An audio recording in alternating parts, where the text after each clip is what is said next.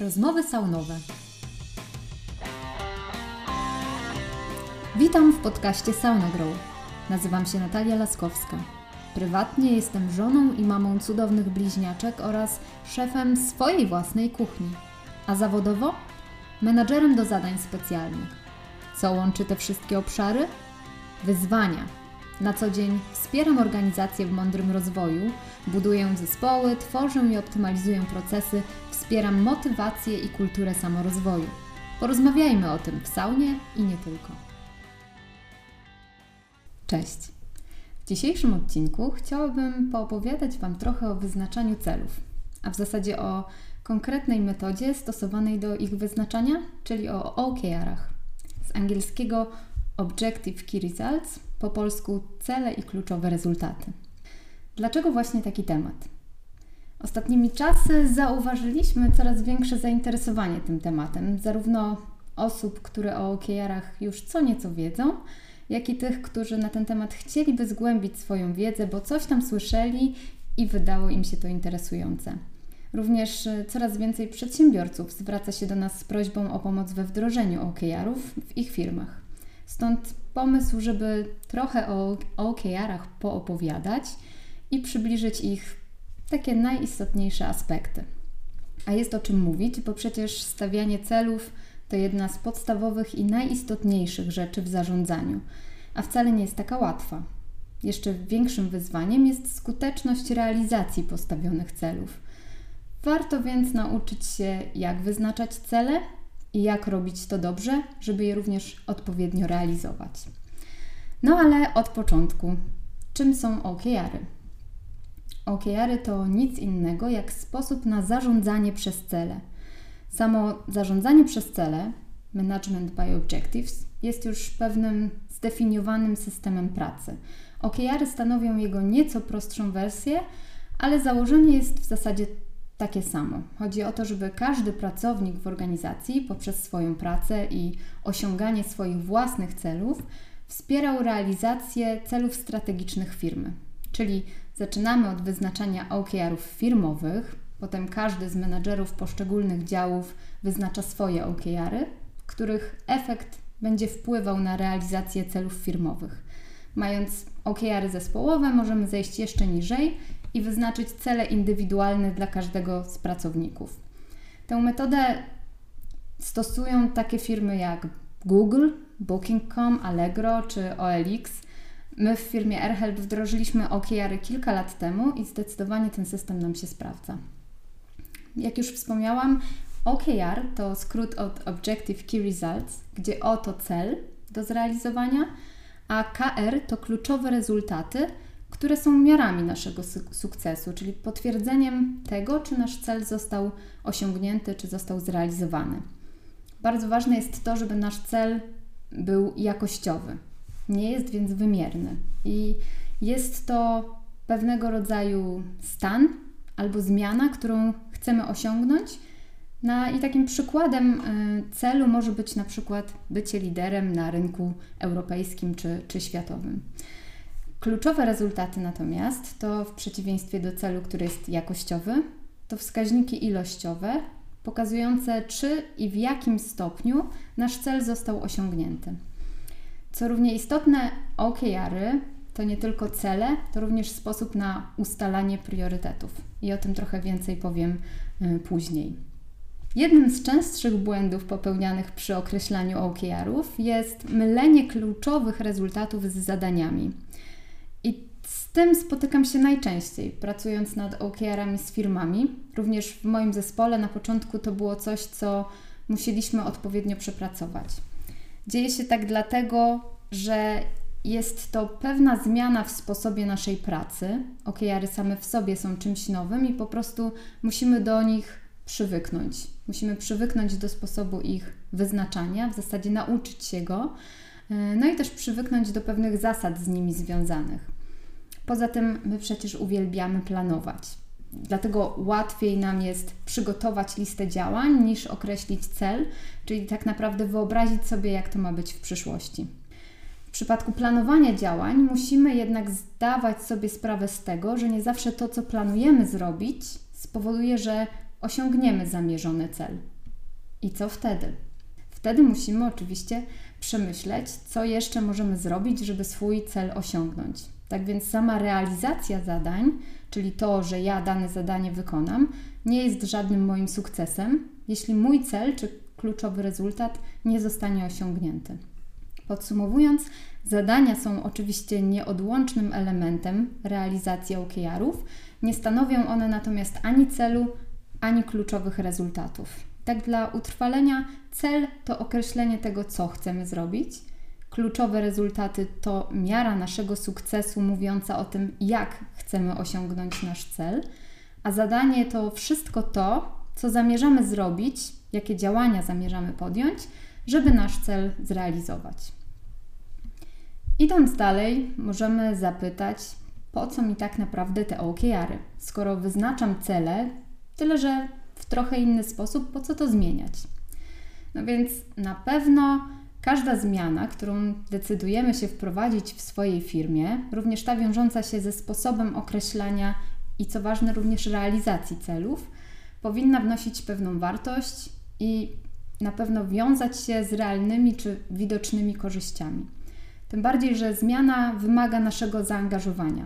Wdrażanie OKR-ów niewątpliwie tego zaangażowania wymaga. Co więcej, powiedziałabym, że wymaga również wytrwałości i cierpliwości. OKR-y na pierwszy rzut oka wydają się być proste, ale w pewnym momencie mogą pojawić się schody.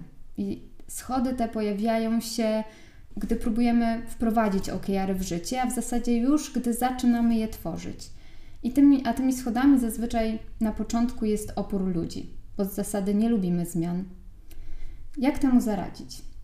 Kluczowa jest odpowiednia komunikacja i edukacja, czyli wytłumaczenie zespołowi tego, dlaczego chcemy wprowadzić OKR-y i co przez to chcemy osiągnąć. Musimy, to jest w zasadzie nasz obowiązek, przekonać swoich współpracowników do, do tego pomysłu, zyskać taki ich buy-in, żeby w pełni zaangażowani mogli z nami te OKR-y tworzyć, ale potem również realizować. No ale właśnie, co chcemy osiągnąć przez wprowadzenie OKR-ów? Firmy decydują się na wprowadzenie OKR-ów przede wszystkim po to, żeby poprawić skuteczność realizacji swoich planów. Jak wspomniałam już o tym na początku, bardzo często jest to największe wyzwanie wielu firm.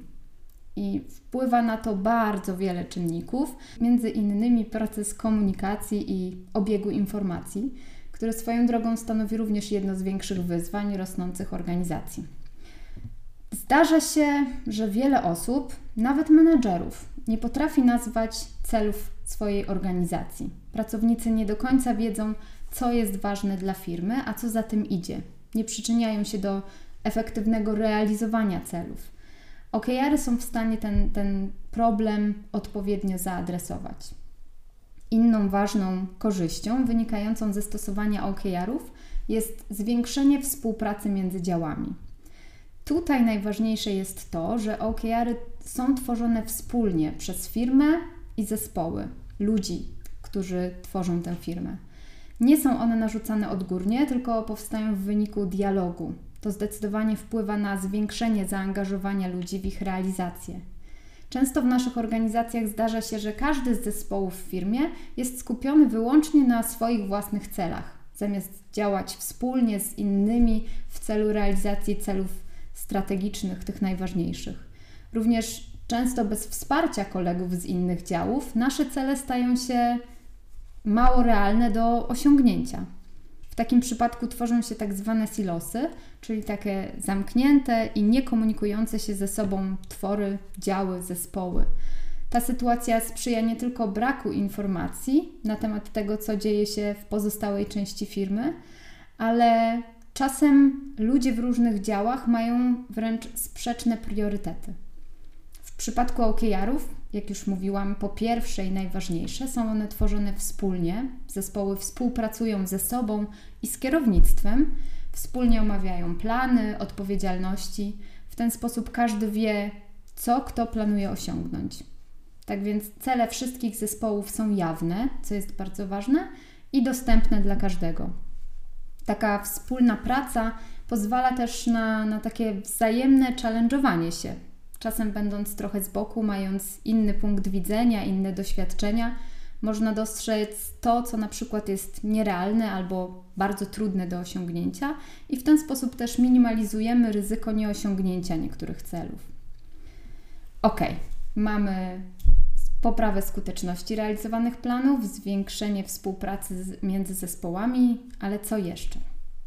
Jeśli problemem jest brak zrozumienia, a nawet wiedzy na temat strategii, to OKR również są w stanie ten problem rozwiązać. I tutaj właśnie ta jasna komunikacja i tak zwany język celów, który w przypadku OKR-ów jest prosty i zwięzły, a więc i zrozumiały dla każdego.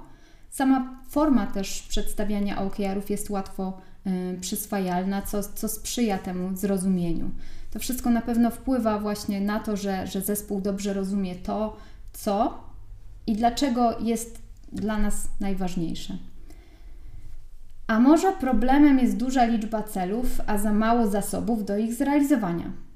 Bardzo często stajemy przed takim problemem. Y, co więcej, jest to jeden z problemów nice to have, pod warunkiem, że jesteśmy w stanie odpowiednio priorytetyzować swoje pomysły.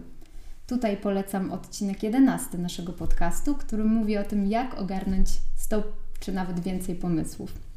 Ale wracając do OKR-ów, wybór odpowiednich priorytetów jest jedną z wielu zalet, czy też efektów pracy na, na OKR-ach. I choć wszyscy jesteśmy świadomi, że rezygnacja z wielu rzeczy, które często i tak nie byłyby robione, nie jest łatwa, ale nie ma innego sposobu, żeby nauczyć się określać wartość każdej z inicjatyw i trochę też porzucić myślenie, że wszystko jest ważne, że wszystko musi być zrobione najlepiej teraz, zaraz. No ale jak mamy już określone cele, cele i priorytety, e, to czasami zdarza się nam o nich zapominać.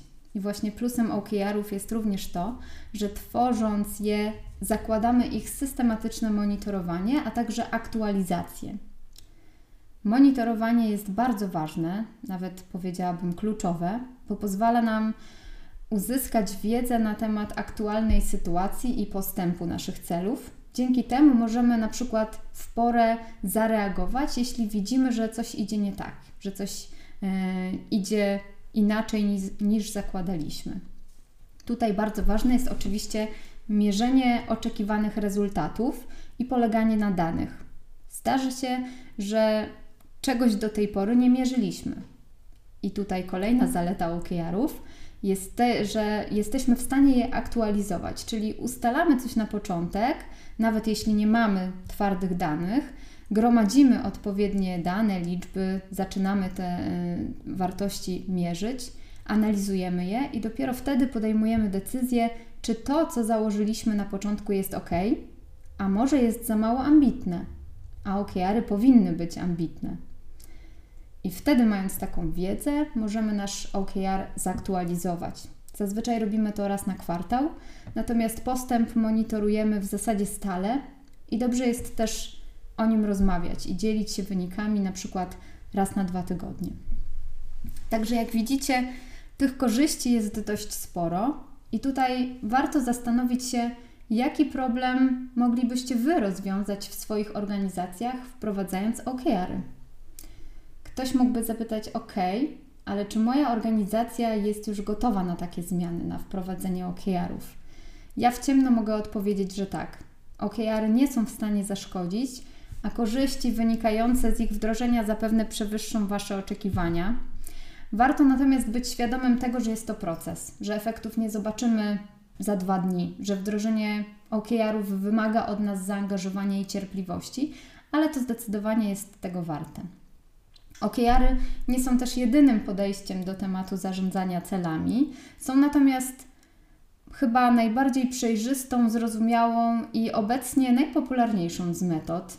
Mm, jest to naprawdę skuteczny system, który po pierwsze i najważniejsze, angażuje naszych pracowników, na czym zdecydowanie powinno nam zależeć, i który wpływa na to, że każdy w firmie wie, dlaczego tu pracuje, co ma robić, jaką wartość wniesie ich praca w realizację celów firmy, a to z kolei zwiększa zaangażowanie pracowników, zwiększa motywację do pracy, no i też ułatwia zarządzanie nie tylko działaniami, ale także pracownikami. Tyle na dziś. Oczywiście o samych OKR-ach, korzyściach, błędach popełnianych przy ich wprowadzaniu, a także o samych krokach wdrażania tej metody można by mówić o wiele więcej. Jeśli chcielibyście zgłębić temat, zachęcam do dyskusji bądź też kontaktu z nami na saunagrow.com. Dziękuję i do usłyszenia. Podobał Ci się ten odcinek? Bardzo prosimy, oceń nasz podcast w Twojej ulubionej platformie streamingowej.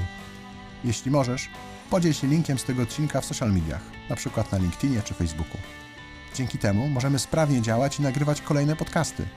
Z góry serdecznie dziękujemy za tak okazane wsparcie.